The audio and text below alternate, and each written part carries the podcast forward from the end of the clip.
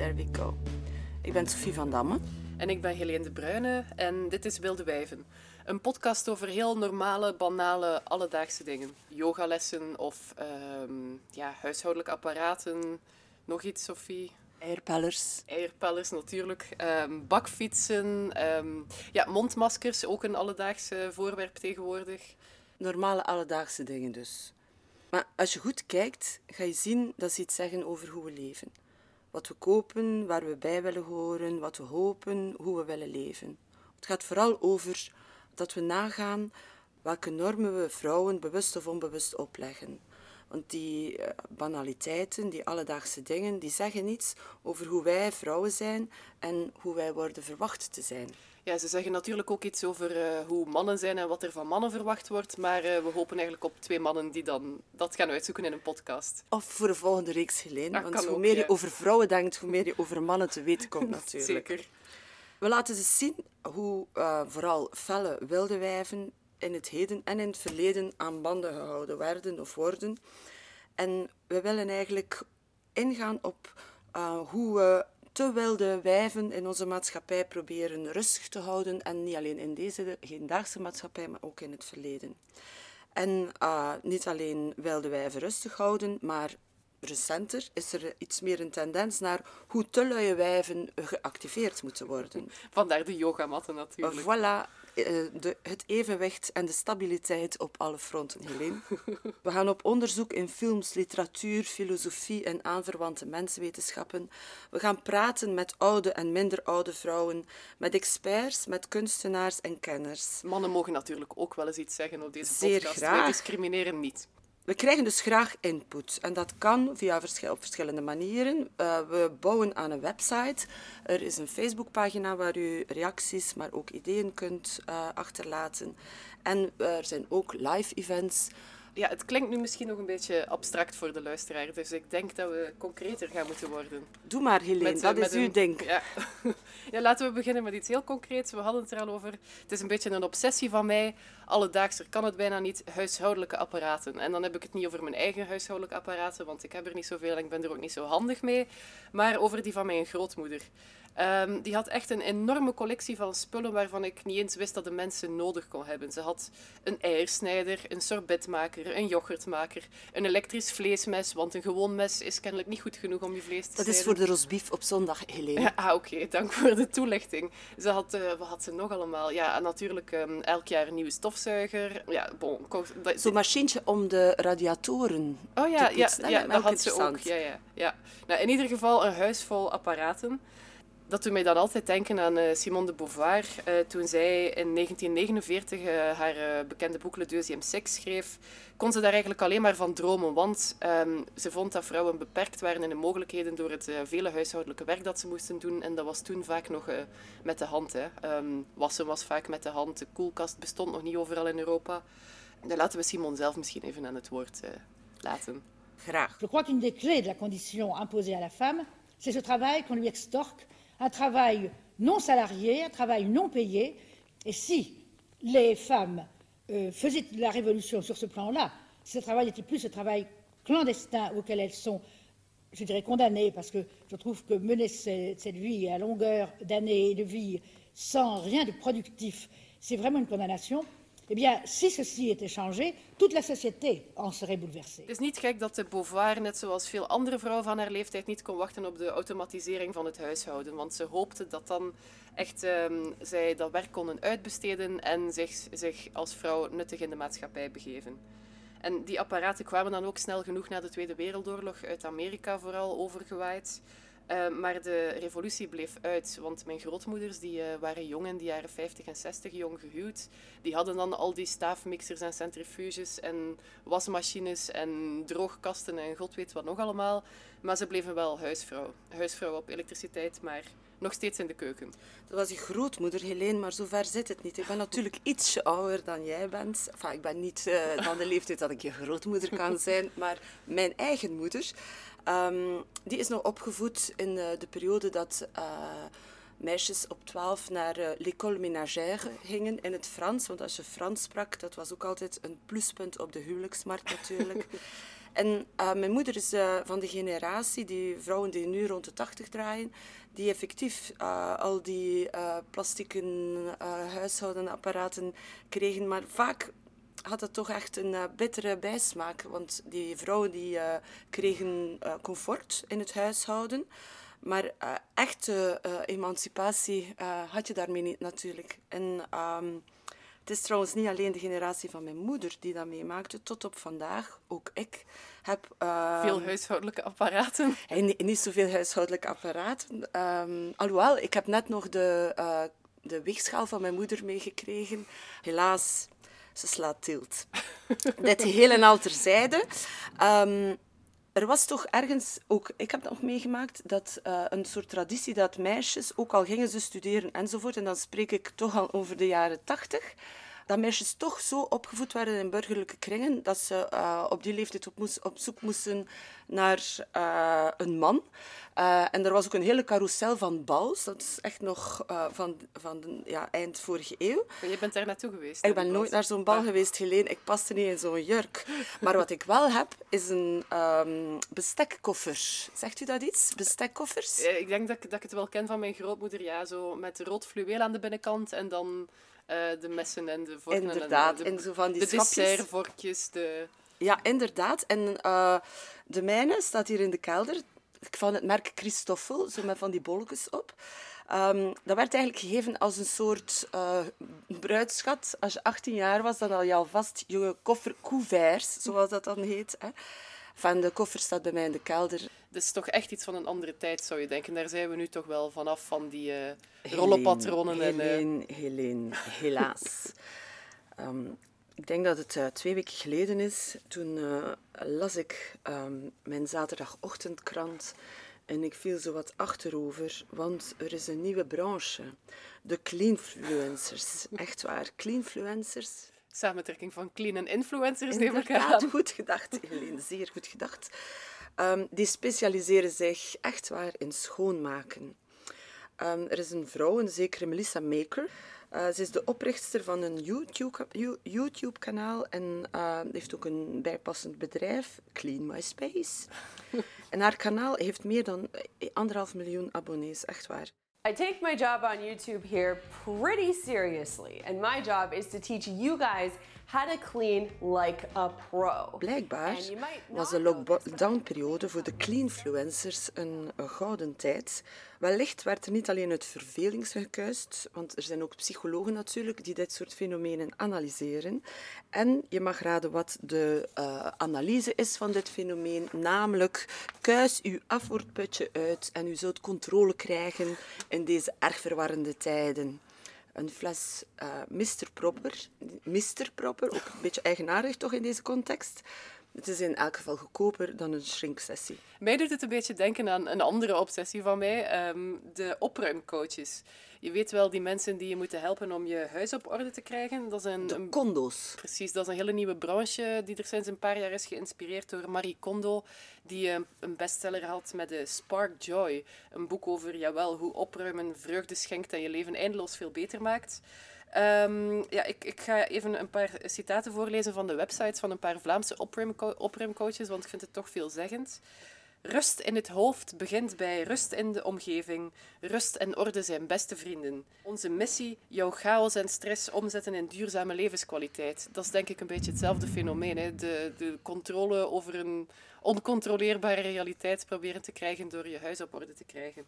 Marie Kondo en die opruimcoaches schrijven natuurlijk nergens dat de vrouw aan de haard moet en dat alleen vrouwen moeten opruimen. Nee, want blijkbaar heeft ze nu, uh, dat las ik in, uh, ja, ergens deze week, een uh, actueler versie nog van de rust en vrede door op te ruimen. En niet zozeer uw haard uitkuisen, maar wel uw huiskantoor. oh ja, natuurlijk. Dat is in deze tijden wel, wel nodig. Dat is echt een update, hè? In elk geval, zij zeggen natuurlijk nergens dat, dat zij zich alleen op vrouwen richten. Ze zijn daar helemaal niet dwingend in of, of normerend. Maar je merkt wel dat het, ja, zij zijn allemaal vrouwen, een publiek is vooral vrouwelijk. En Marie Kondo heeft ook zo'n reeks uh, op Netflix.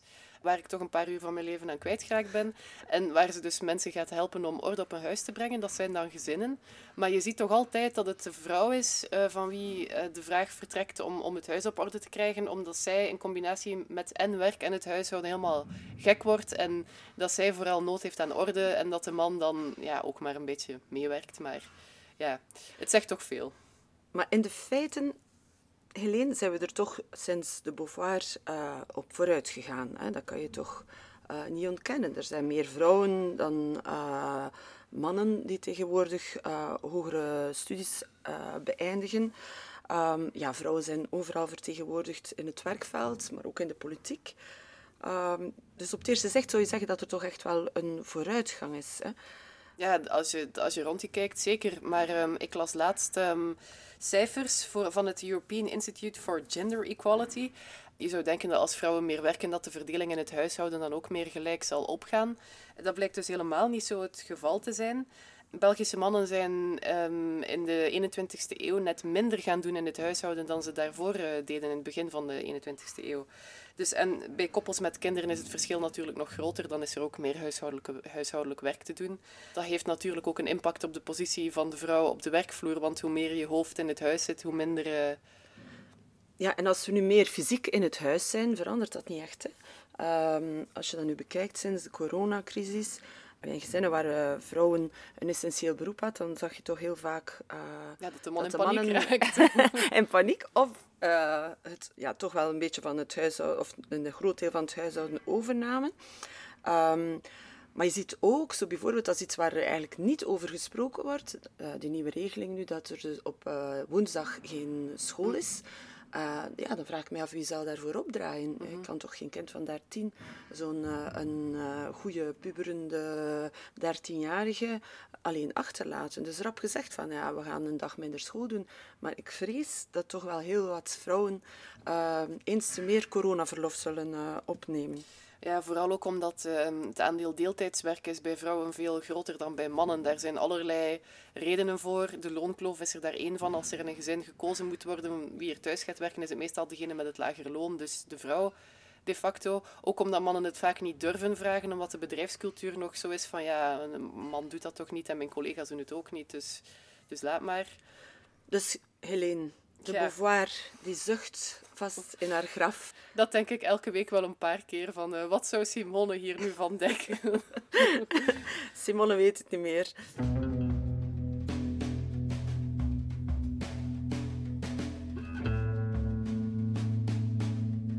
Ja, je hebt het nu al vaak gehad, hè? je verwijzing naar cijfers over vrouwen op de werkvloer. Maar wat met um, andere zaken, bijvoorbeeld kunst? Kunst is ook een vorm van arbeid. Dus als je al een heel huishouden te runnen hebt, heb je misschien ook minder mentale ruimte om je dan nog uh, met de artistieke schepping bezig ah, te houden. Helene, ik geef les op het uh, KASK in Gent. En ik zie toch wel dat er heel veel vrouwen aan de studies beginnen. Ja, maar dan zijn ze nog jong en hebben ze nog veel tijd. Hè. Dan kan je nog naïef denken dat het dat het allemaal wel lukt. Ik merk het zelf ook hoor. Ik uh, probeer een roman te schrijven en ik heb net een baby. Nu heb ik het geluk dat mijn man eigenlijk nog meer doet in het huishouden dan ik. Maar dan nog is het een moeilijke combinatie. Ook daar zijn weer cijfers over. Um, de musea hangen nog altijd vol met de kunst van mannen.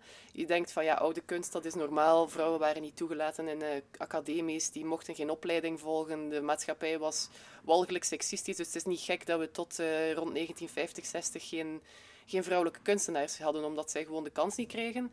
Maar zelfs daarna, hè, in het uh, Metropolitan Museum in New York, um, in de sectie hedendaagse kunst. Um, Slechts 4% van de kunst is, um, dat was in 2015 die telling, dat is een kunstenaarscollectief Guerrilla Girls, die tellen dat af en toe eens, die houden het bij. Uh, slechts 4% van de kunst was door vrouwen geschilderd en 76% van de afbeeldingen van naakt, um, of ja, geschilderd, uh, gemaakt. En 76% van de naakten was een vrouw. Ja, dat is inderdaad straf. Dus er zijn eigenlijk heel veel meer vrouwelijke kunstenaars, maar in de output of in hetgeen dat er in de musea terechtkomt, is het een, uh, ja, een fractie iets anders wat mij in dat verband um, mateloos fascineert. Dat is dat um, het fenomeen van de mad genius. Ja, dat kent iedereen wel. Mensen denken vaak dat een kunstenaar bijna een hoek af moet hebben om een goede kunstenaar ja. te zijn. Ja, of zelfs meer een hoek of een oor af, van Hoog bijvoorbeeld. Ehm, ja, die wordt echt wel gezien als de vaandeldrager van uh, dat romantische beeld van uh, creativiteit en uh, mentale stoornissen. Wat eigenaardig is dat de, de, relatie tussen vrouwelijk kunstenaarschap en waanzin uh, één, minder is onderzocht. En als het al uh, onderzocht wordt, dan uh, is de conclusie dat vrouwen, vooral in het verleden dan, maar dat klinkt vandaag de dag nog altijd wat door, als, de, als vrouwelijke kunstenaars een hoekje af, af, hebben, dan zijn ze um, vaak bestempeld als ziek, hysterisch, deviant, maar zelden artistiek of geniaal. Um, en wie denk je dan? Vooral aan de maîtresses van beroemde kunstenaars. Het is ook zo opvallend dat er veel uh, kunstenaarsvrouwen effectief in de psychiatrie belanden. Uh, dus vrouwen van of uh, geliefden van. Ik noem er een paar. Uh, Camille Claudel, de, dus dat is denk ik de bekendste. Dus de maîtresse van Rodin. maar O'Keeffe, Tracy Emin, Unica Zurn, Leonardo Carrington. Al deze vrouwen maakten kunst, goede kunst. En eigenlijk niet dankzij, maar ondanks hun mannen, zou je kunnen zeggen. Je zou bijna denken dat je als vrouwelijke kunstenaar maar beter uh, geen gezin sticht en ook uh, ver van, uh, van de mannen blijft. Oh, ik weet niet alleen. Ik dacht dat je aan een roman aan het schrijven was. ik doe mijn best om de obstakels te overwinnen. Um, over de literatuur gesproken trouwens, daar zie je, zie je een beetje hetzelfde uh, probleem. Hè. Um, Virginia Woolf zei het al in haar uh, vaak geciteerde essay uit 1929, uh, Room of One Zone. Vrouwen moeten de mentale en fysieke ruimte kunnen vrijmaken om te schrijven. En dat blijkt zo evident nog niet. Uh, Woolf heeft zelf trouwens uh, nooit kinderen gekregen. En um, Rebecca Solnit wijst erop dat er in biografieën en studies en lezingen over Woolf altijd wordt gehamerd op het feit dat ze geen kinderen heeft gekregen. Terwijl bij zoveel mannelijke auteurs die geen kinderen hebben gekregen, daar niks wordt over gezegd. Maar dat was ook een beetje een paternalistische reflex, omdat uh, Virginia Woolf erg depressieve perioden had. Mm. En er moest voor haar gezorgd worden. Mm -hmm nou ja, ook weer die waanzin. Um, waanzin dus, ja. Maar um, ja, zo'n room of one zone creëren, dat helpt natuurlijk niet als er een berg huishoudelijk werk op je staat te wachten. Um, en ja, schrijvers schrijven vaak over wat ze kennen. Dus als je zo'n vrouw bent die vooral het huishouden runt, ja, dan ben je geneigd om daarover te schrijven. Maar dat is de, de literaire kritiek is daar meestal niet al te mals voor. Uh, Wolf zei het al, dit moet een belangrijk boek zijn, denkt de criticus, want het gaat over oorlog. En dit moet een onbelangrijk boek zijn, want het gaat over de gevoelens van een vrouw die aan haar salon zit. Um, ik denk dat dat nog altijd uh, een beetje opgaat. Bijvoorbeeld um, die, die alle banale details van zijn leven blootlegt, die wordt uh, door de critici opgehemeld. maar ik vraag mij gewoon af wat er zou gebeuren als een vrouw hetzelfde zou doen. Ja, er zijn er natuurlijk een paar recent. Ja. Brechtje Hofstede, uh, Saskia de Koster. Maar dan uh, uh, draait het heel snel naar het autobiografisch. Hè? Ja, de, ja, een soort voorloper daarvan um, is voor mij Rachel Cusk, mm -hmm. die in 2001 een heel goed boek schreef over um, um, A Life's Work on Becoming a Mother, heet het. Het is ook autobiografisch en ze probeert echt die periode van de zwangerschap en net na de bevalling van haar kind vast te leggen. En dat levert eigenlijk echt hele goede literatuur op. Maar dat werd daar niet in dank afgenomen in die tijd. Bizar genoeg uh, schreef ze er later over. Vooral vrouwelijke critici waren erg boos. Uh, er is er zelfs eentje die zei van ja, als iedereen het boek zou lezen, dan zou het menselijke ras waarschijnlijk ophouden te bestaan. Dat is uh, inderdaad heel straf. Iets wat mij fascineert, Helene, is... Um, we hebben het nu over vrouwelijke schrijfsters. Maar hoe komt het toch uh, dat er in de geschiedenis zo ontzettend veel uh, mannen zijn die uh, vrouwen getypeerd hebben um, op een bijzonder um, gevoelige manier. Het moet, wel het moet wel gezegd zijn dat vaak vrouwen geassocieerd worden met zijnde wezens met een hoek af. Hè. Dat wordt dan soms waanzin genoemd, maar uh, heel vaak uh, hormonen en humeuren en hysterie worden in verband gebracht met uh, de vrouwen die die mannen beschrijven. Um, 19e eeuw zit er vol van. Um, ja, ik ben er ook zot van. Vrouwen die zot geworden zijn door overspel of onzedig gedrag. Ik zal u een ja, paar Bovary noemen. is natuurlijk... Uh, Bovary, inderdaad. Op één. Op twee, Anna Karenina. Maar er zijn ook uh, Eline Vere, Effie Briest, ehm, Hedwig Mar Marga uh, de Fontaine in De Koele Meren des Doods. Uh, dat zijn er een paar, maar er zijn er nog. Ik heb er hier nog een paar liggen. Guy de Maupassant, Yvette, er, um, dingen, zo, hoe noemt hij hier? Gérard de Nerval, Sylvie, uh, Alexandre Dumas fils, La Dame au Camilla allemaal vrouwen, allemaal zot geworden en uh, allemaal wilde wijven eigenlijk. Wat ik dan vooral jammer vind, is dat we daardoor wel een, een, een vrouwbeeld hebben van die tijd. Of ja, we zien hoe mannen en de maatschappij naar vrouwen kijkt, maar we hebben niet hetzelfde voor mannen. Er zijn uit die periode geen vrouwen die op die manier mannelijke personages hebben neergezet. Nee, en ook, het is erg gemedicaliseerd. Hè? Mm. Al die vrouwen die ik hier genoemd heb, ze worden allemaal zot en de helft pleegt zelfmoord. Maar los van die echte romanliteratuur heb je toch ook, is het ook opvallend dat er heel veel mannen zijn die boeken schrijven over de psyche van de vrouwen. Uh, niet uh, totaal uh, fictief, maar die dus echt het wezen van de vrouw willen doorgronden. Ik ga er hier een paar de revue laten passeren. Erasmus, vrouwengesprekken. Goncourt, La Femme. Balzac, La Femme de 30 ans. Gide, L'école des femmes. Armand Broch, vrouwen. Guy de Maupassant, Het leven van een vrouw. Philippe Solaire, Femme. Guy de Maupassant, Vrouwen. Um, wie hebben we hier nog? Buitendijk, oh die is ook geweldig. De vrouw. Haar natuur, verschijning en bestaan, Helene. Ik zal het allemaal tot me nemen. Het is wel interessant, dat is natuurlijk die vraag uh, die Freud ook... Uh, ja, was wil dat swipe. Het schijnt geen echt citaat van hem te zijn, maar kom, daar zijn de meningen ook weer over verdeeld. Maar daar zijn dus boeken vol over geschreven. Maar nogmaals, het omgekeerde, de vrouwen die de man zo met een pincet oppakken en bestuderen, um, de psyche en het lichaam en zo, dat, dat bestaat eigenlijk niet. Of toch zeker niet uit die tijd. Nee. Je bent aan het schrijven, hè, Helene? Ja. Ik ben benieuwd. Ik doe mijn best.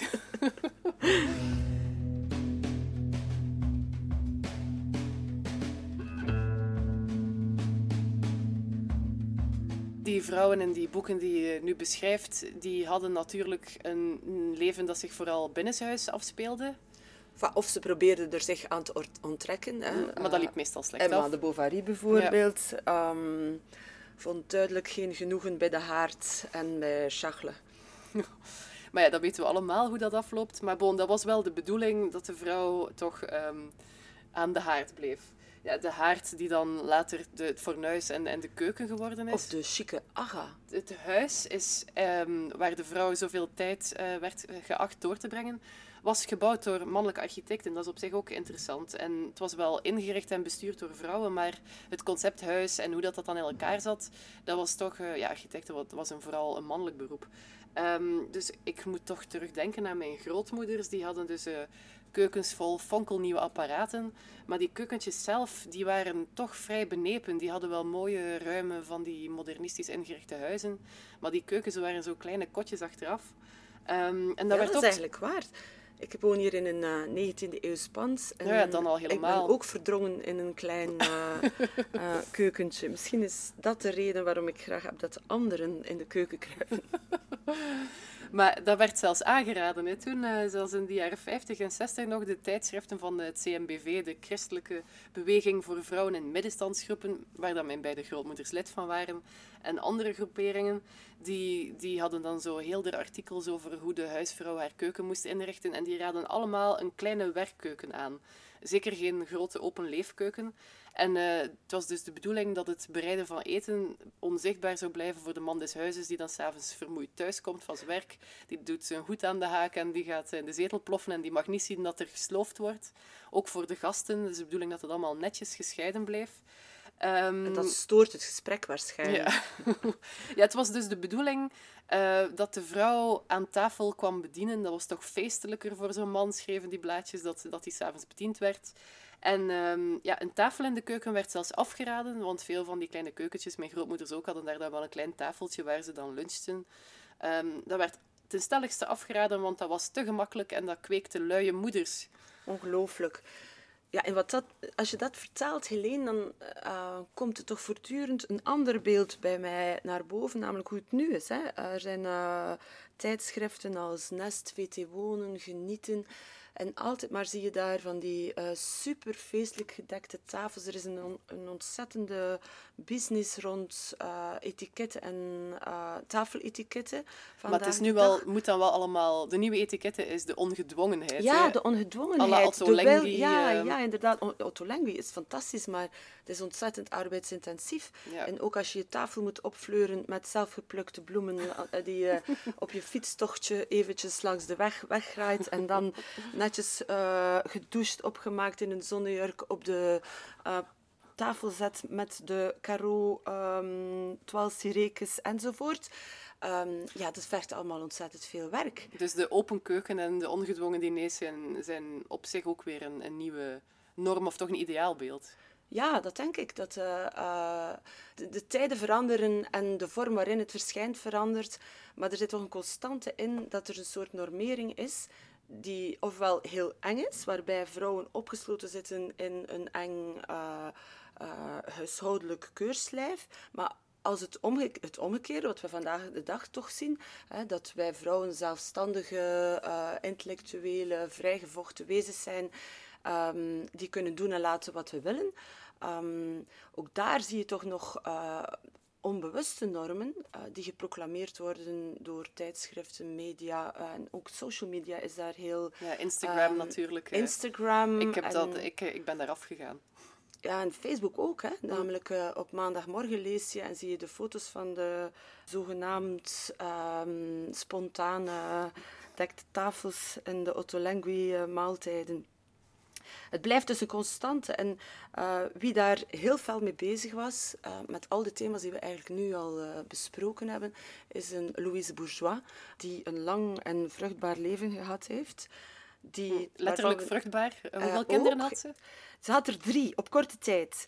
Ze was getrouwd toen ze eigenlijk al begonnen was met kunst maken met een kunsthistoricus. Ze verhuizen naar New York en uh, ze hebben een Frans kind geadopteerd. En heel kort daarna hebben ze zelf twee uh, zonen gekregen.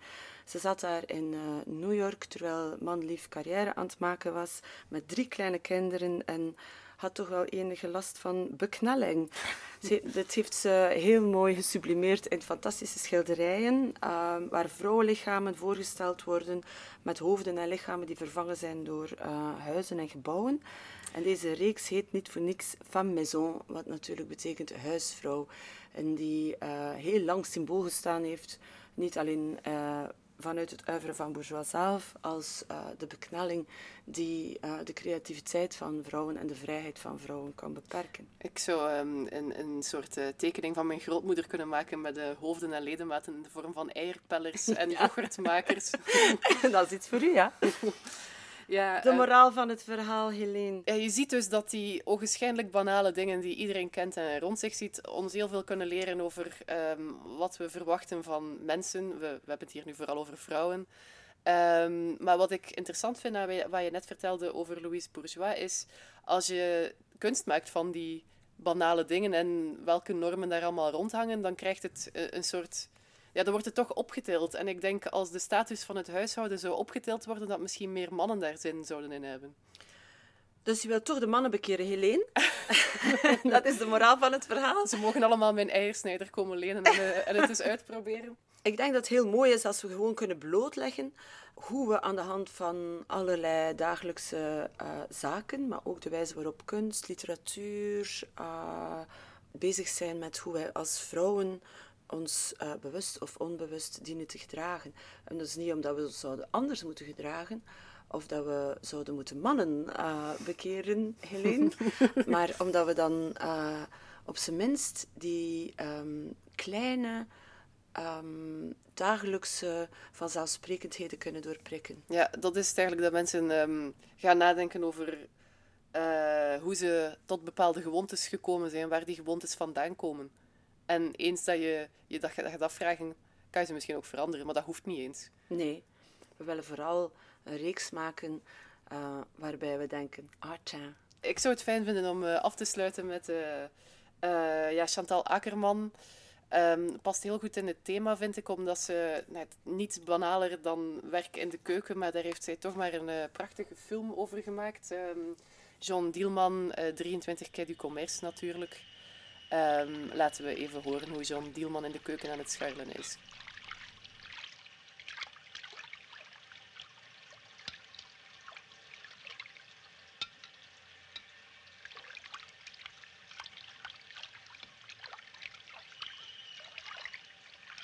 Deze podcast is gemaakt met de steun van uh, Kaap en de Buren. Uh, meer info vindt u ook terug op uh, hun websites en op onze Facebookpagina. En ja, dit was nog maar een verkennende eerste episode, maar er staat al heel wat meer op het programma. Sophie, waar zijn we nu aan bezig? We zijn nu bezig met de voorbereiding van onze aflevering bij Amok op 3 oktober, een zaterdag is dat, dan gaan we ons verdiepen in de stedelijkheid en uh, hoe vrouwen een plek of geen plek krijgen in de stedelijkheid. Dan hebben we het niet over meer vrouwen op straat, niet meer vrouw en niet meer blauw, maar dan hebben we het wel over hoe verplaatsen vrouwen zich, hoe is de architectuur al dan niet aangepast aan vrouw zijn. Ja, want steden die, uh, die ontstaan niet zomaar, die worden voor een groot deel gemaakt. En daar zitten heel wat aannames in over hoe wij als, als, vrouw, hoe wij als vrouw in de pas moeten lopen.